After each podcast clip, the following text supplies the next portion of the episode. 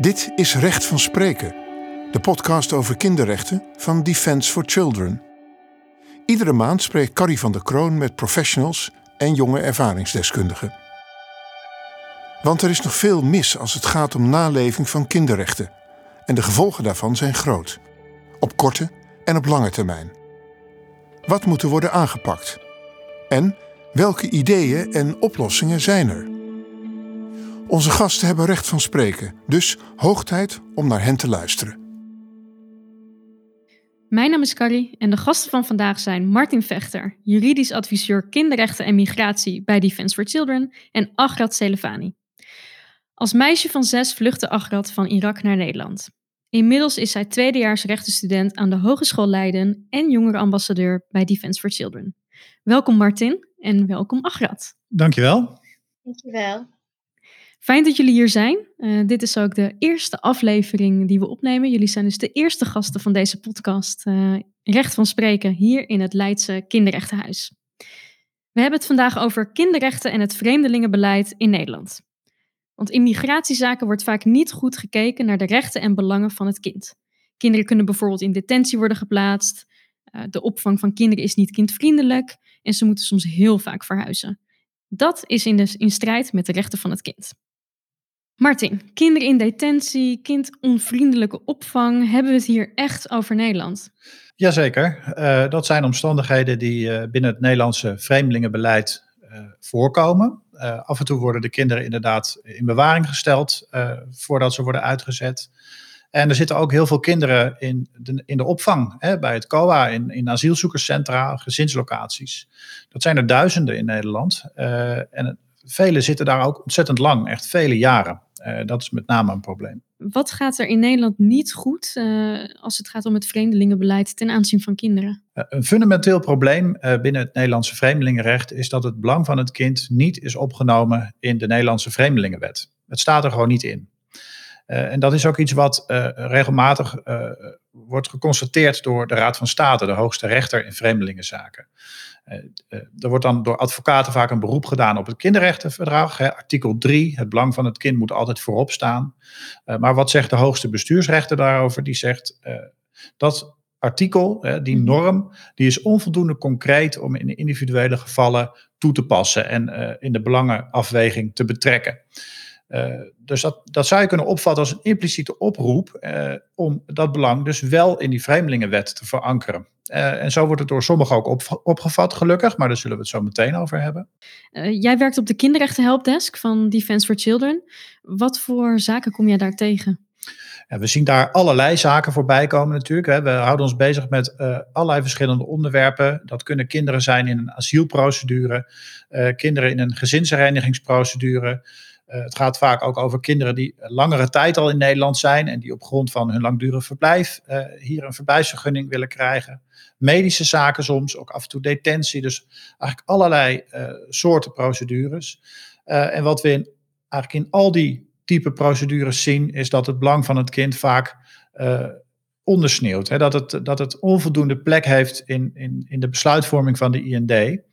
Eh, en van de staatssecretaris. Eh, en dat moet dus verbeteren. En er moet een, echt een plicht uh, komen te rusten op, op de staatssecretaris om in elke zaak dat belang van het kind mee te wegen.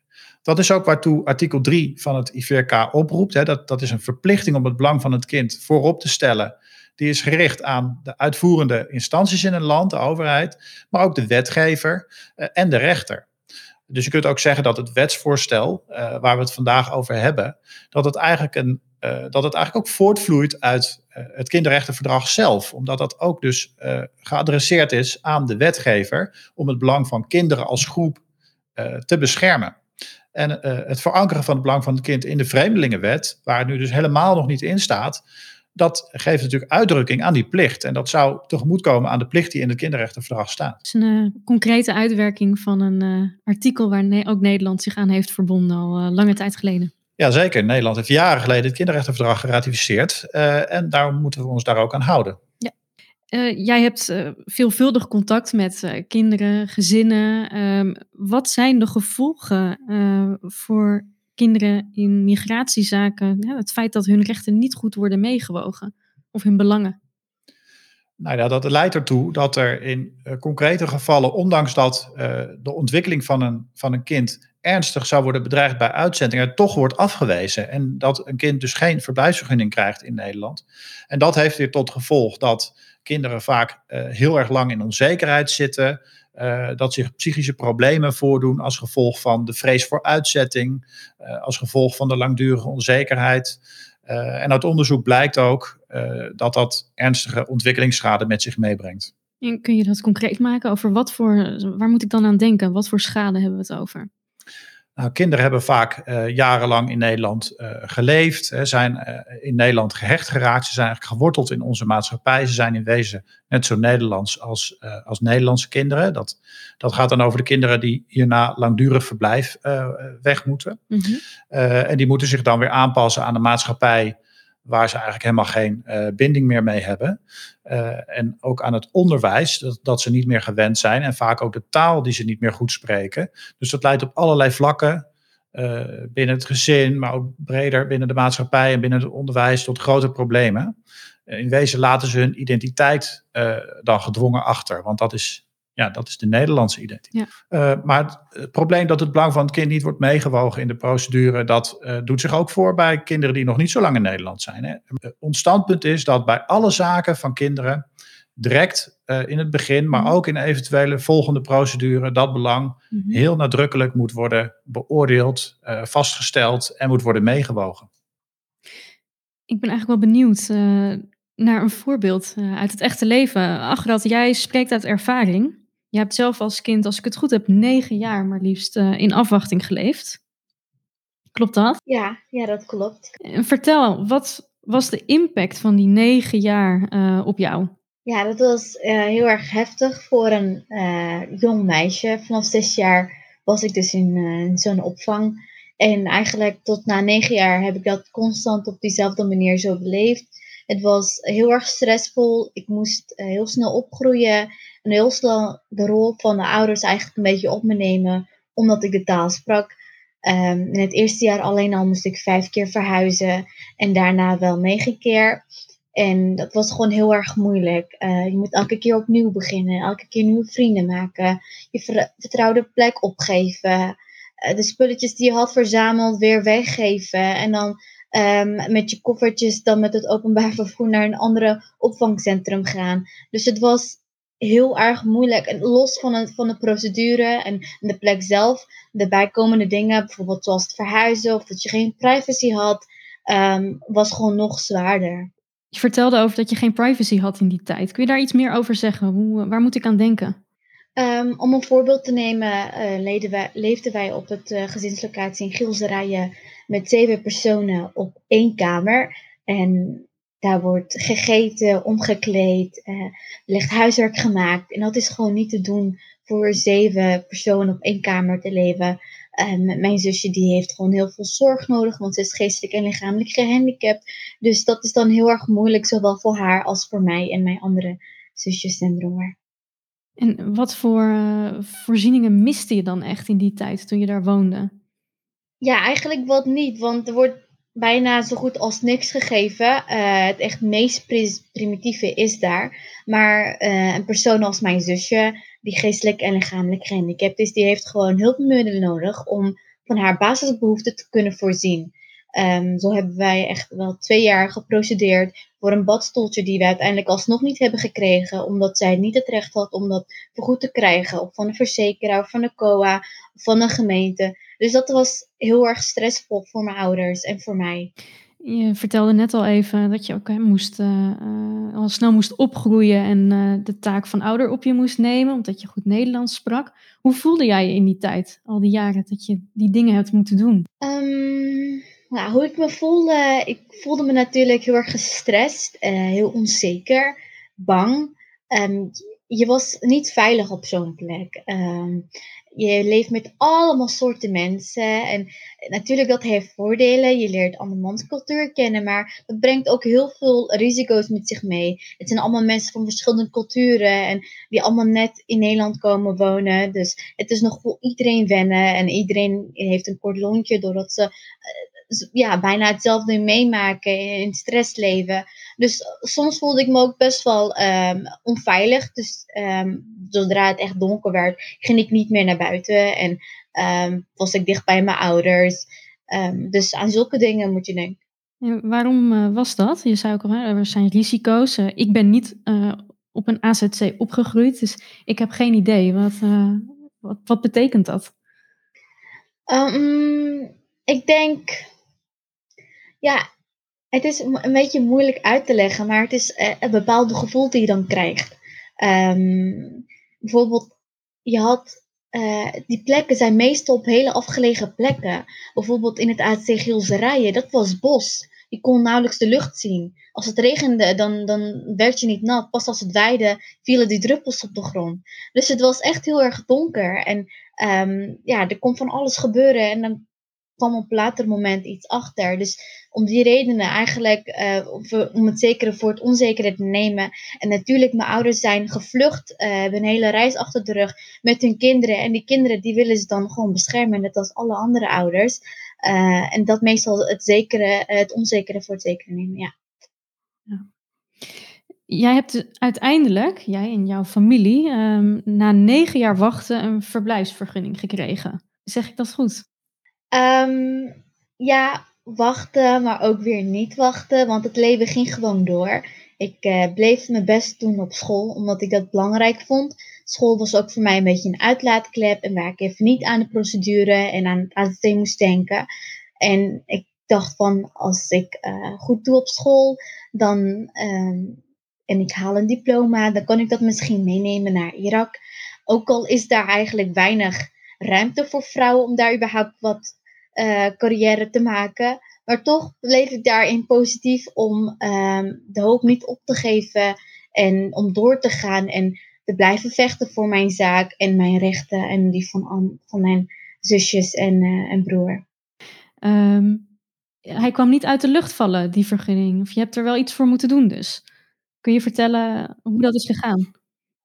Ja, zeker. Ik heb vooral heel veel uh, geprobeerd om mijn verhaal uh, naar daglicht te krijgen. Ik vond het belangrijk dat mensen afwisten van mijn verhaal. Dat er bijvoorbeeld een, een gehandicapt meisje uh, op een asielzoekerscentrum leeft die geen hulpmiddelen heeft om, om wat ik zojuist zei, om, om zichzelf te kunnen voorzien van basisbehoeften, om gewoon normaal te kunnen douchen.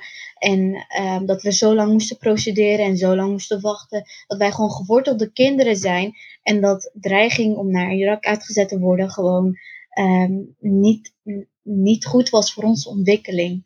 En um, aangezien de IND daar geen gehoor aan wilde geven, de COA, de gemeente, niemand niet. Dus dan moest ik maar met behulp van organisaties mijn verhaal brengen uh, bij kranten of bij tv's. En op die manier vechten je eigenlijk voor je procedure, om dat, uh, om dat op die manier een beetje te kunnen regelen. Oké. Okay. Je zei net ook al dat je er rekening mee hield van, nou, als ik hier een diploma haal, dan heb ik daar misschien nog wat aan in Irak. Dan, dan hield je er dus rekening mee dat je misschien terug zou moeten gaan naar Irak. Ja, ja, je leeft altijd in onzekerheid. Uh, je, het is nooit. Het is zo, je wordt ook daarmee wakker geschud. Je wordt daarmee wakker gemaakt. Bijvoorbeeld dat wanneer ik om zeven uur wakker werd, ik dan politie hoorde. Uh, meerdere politiemensen die dan bijvoorbeeld iemand wakker aan het maken zijn om dan hun uit te zetten naar het land van herkomst. En ja, je maakt je op om naar school te gaan om zeven uur. Uh, en dan zie je dat dan buiten en dat doet toch heel erg veel met je. En dan zo begin je dan volgens je dag. Dus dat kan ook dan bij jou gebeuren. Dus, dus je maakt dat maakt je gewoon heel erg angstig. Vooral als kind zijn. Dan denk je van, dit kan ook, ik kan de volgende zijn. Dus dat was uh, ja, heel erg onprettig. Je zei net ook dat um, er niet per se heel veel ruimte is voor vrouwen om carrière te maken in Irak. Waarom was uh, teruggaan naar Irak geen optie uh, voor jou en voor je familie? Voor mij, nou, voor mij als, als vrouw zijnde, um, maar ook als persoon zijnde, Irak is geen veilig land. Um, Irak is, wordt ook niet als een vakantiebestemming gezien. Dus waarom zou ik dan wel daar naartoe moeten gaan? Zeker als we daar om goede redenen gevlucht zijn. Dat één. Ten tweede, mijn zusje die zou dan geen bestaanszekerheid daar hebben, omdat zij daar niet de juiste specialisten ter beschikking heeft. Martin, jij kent de zaak van Agrat en haar familie heel goed. Ehm, ja, waarom is er zoveel misgegaan? En misschien nog belangrijker, nu het voorbij is, hoe had dit voorkomen kunnen worden? En, nou ja, de, zaak van Agrat is eigenlijk een heel goed voorbeeld uh, van wat er misgaat in het Nederlandse vreemdelingenbeleid, waar het om kinderen gaat. Um, mensen die in een verblijfsprocedure komen, uh, die krijgen dan een toets, uh, al nagelang de het specifieke verblijfsdoel dat met die procedure wordt beoogd. Dus bijvoorbeeld, uh, mensen hebben een asielprocedure en dan wordt er gekeken naar de situatie in het land van herkomst en is er wel of geen gevaar voor, de, voor het gezin. en die toets die is ontzettend strikt, streng.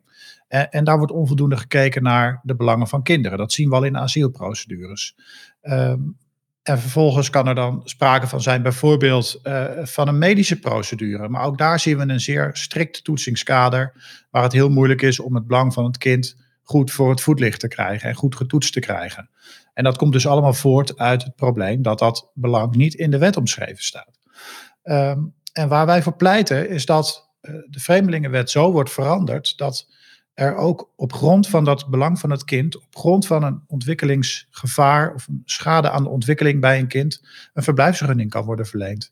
En dat in zo'n situatie zo eigenlijk alle omstandigheden van het geval die aan de orde zijn voor zo'n kind, worden meegewogen. Uh, dat, dat is ook hoe het kinderrechtenverdrag wil dat het gebeurt. Hè. Dat staat gewoon in het kinderrechtenverdrag. Uh, het belang van het kind moet je meewegen. Uh, maar daarbij moet je ook kijken naar alle andere artikelen in het verdrag. Het, verdrag wordt vaak holistisch genoemd. Uh, dat is een moeilijk woord voor. Dat je de artikelen en de rechten van kinderen in onderlinge samenhang moet bekijken. En dus naar alle facetten van het leven van een kind moet kijken. En als je dan tot de conclusie komt dat, het, dat de ontwikkeling van zo'n kind heel erg wordt bedreigd wanneer je dat kind uitzet, dan moet je dat dus ook niet doen in het belang van het kind. En dan moet er een verblijfsvergunning volgen. En als je specifiek kijkt naar de zaak van Agrat en haar gezin, dan zie je met name dat haar zusje er, ja, grote behoefte had aan, aan zorg. Hè. Ernstige medische problematiek deed zich daarvoor. en je ziet dat dat dus onvoldoende een plek kan krijgen in verblijfsprocedures in Nederland. Hè. Dat speelt in de asielprocedure geen rol, of hoegenaamd geen rol. En in een andere procedure wordt er ook heel strikt gekeken naar, naar medische omstandigheden. En wat, wat wordt nagelaten is om dat allemaal in onderlinge samenhang met elkaar, de hele situatie van zo'n kind goed te bekijken. En er kan natuurlijk ook langdurig verblijf in Nederland uh, een rol bij spelen. Eigenlijk alle omstandigheden die je maar kunt bedenken. En dat is per zaak steeds verschillend. Uh, dus het is ook uh, best een uitdaging om dat op een goede manier in de wet uh, te verankeren. Hè? Dat, uh, dat belang van het kind. Wat houdt het nou precies in? Mm -hmm. en het is ook daarom dat we ervoor pleiten dat dat dus uitvoerig wordt beschreven met een uitvoerige toelichting.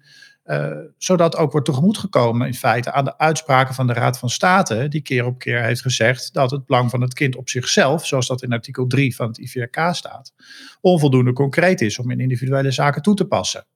Nou, dat probleem zie je dus uh, steeds gebeuren, want dan vindt er een hele marginale toets uh, plaats. Hè. Dan moet er wel, het belang van het kind moet wel worden onderkend, maar er rust geen plicht op de staatssecretaris om echt diepgaand dat belang mee te wegen en te betogen waarom dat belang niet opweegt tegen andere belangen.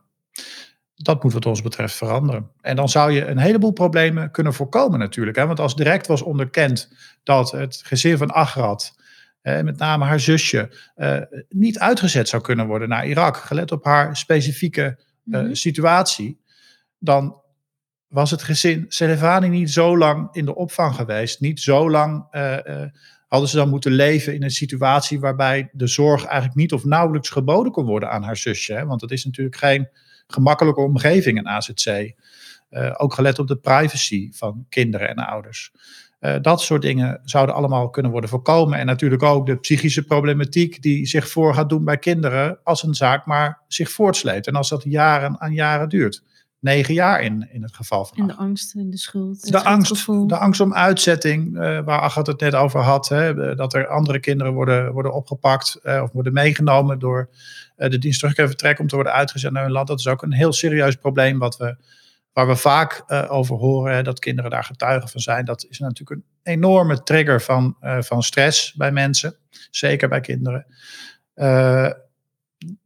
Die langdurige onzekerheid kun je voorkomen als je meteen dat belang van het kind identificeert en waar, waar dat nodig is om de ontwikkeling van een kind te beschermen. Hè, zoals het kinderrechtenverdrag ons land ook verplicht, onze overheid ook verplicht, om dat dan ook te doen en die vergunning te verlenen.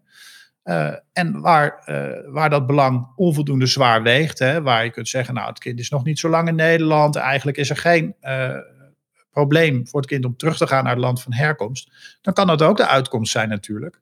Uh, maar dan moet dat snel in een zorgvuldige procedure gebeuren. In ieder geval moet er dus naar dat hele plaatje van belangen van het kind worden gekeken.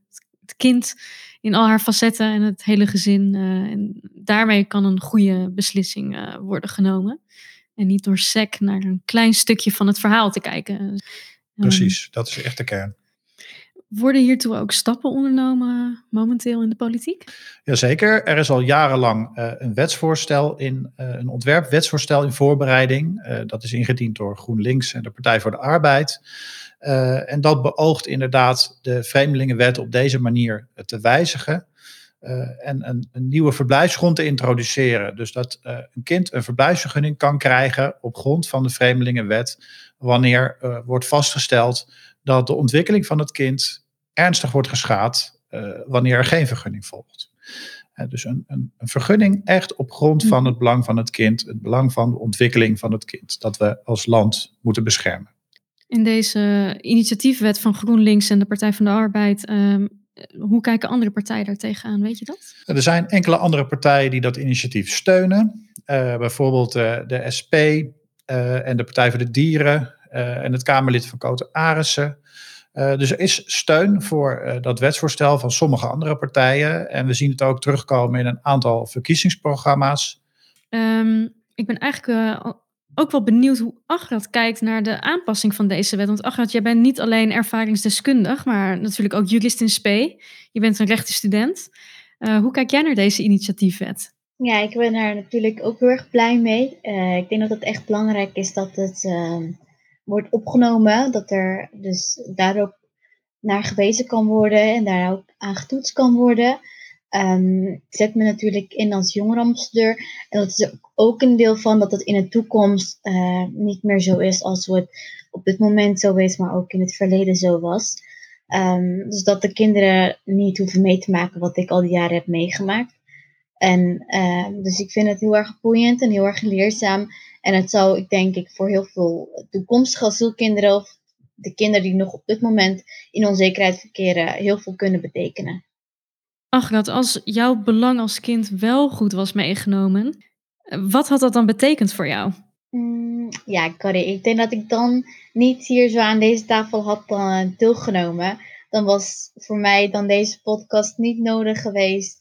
En, en zo heel veel andere dingen. Dan, dan had ik bijvoorbeeld wel uh, in een korte tijd zekerheid gehad. Had ik in een korte tijd minder schade opgeleden. Kon ik opgroeien in een Nederlandse wijk. Waar ik een stabiele uh, zekerheid had. Waar ik een stabiele school had.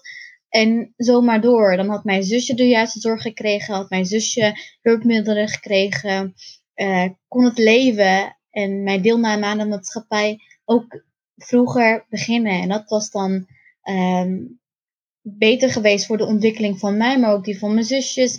En als er bijvoorbeeld problemen waren aangetroffen, wanneer bijvoorbeeld de juf of, of huisartsen zien van, ja, het gaat eigenlijk niet zo goed met deze meisje, die heeft wel wat psychische problemen of dergelijke, dat er ook geholpen kan worden. En niet pas dat alles, nadat je negen jaar zo lang hebt moeten uh, meemaken, zoveel hebt te voortduren gehad. En dan pas dat alles begint van, ja, um, je hebt problemen, je moet eigenlijk lopen bij een psycholoog of dergelijke. Ja, in principe is dat dan eigenlijk veel te laat.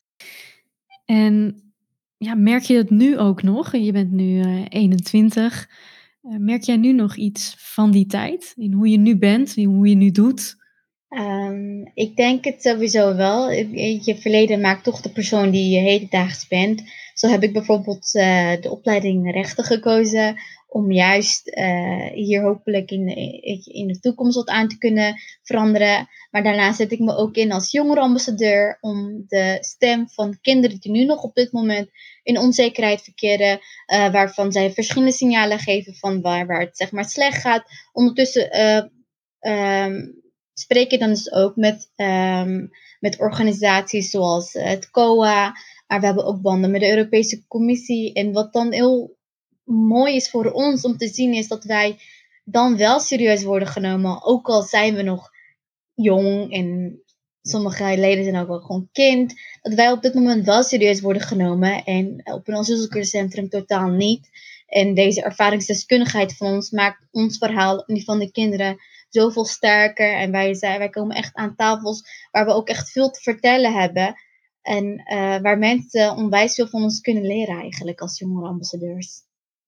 En waarom is het zo belangrijk dat uh, mensen in de Nederlandse politiek of in Europa of waar dan ook uh, met jullie praten en naar jullie luisteren? Ja, jongerenparticipatie begint zeker steeds belangrijker te worden. En op heel veel gebieden hoor je dat mensen gewoon ook met jongeren in gesprek gaan. Wat super belangrijk is. En wat je eigenlijk ook leert van het verleden. Dat er bijvoorbeeld beleid wordt gemaakt in kamertjes, in kantoren.